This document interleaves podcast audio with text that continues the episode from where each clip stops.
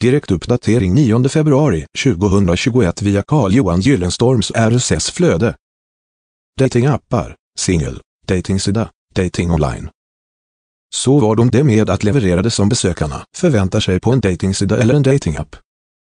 Digital marknadsföring bygger på förtroende, i klartext så kan man inte sälja in något och sedan inte leverera. Gör man det så skapas ett dåligt varumärke. Med detta skrivet så är folk inte intresserade av att betala medlemsavgifter på datingsidor, datingappar för att sedan bli lurade på sin tid och på mer pengar. Datingsidor och datingappar har blivit mer kommersiellt inriktade och det i sig är väl okej okay kan jag tycka, men att fullspela för att hålla kvar besökare på datingsidan, appen är inte okej. Okay.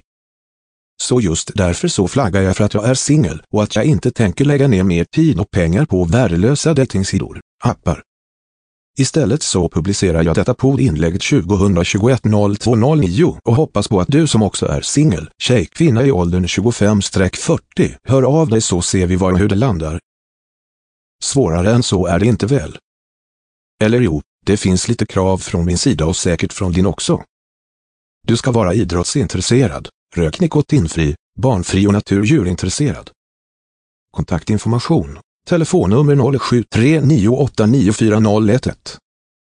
Läs hela inlägget genom att följa länken i poddavsnittet. Källa Google Alerts.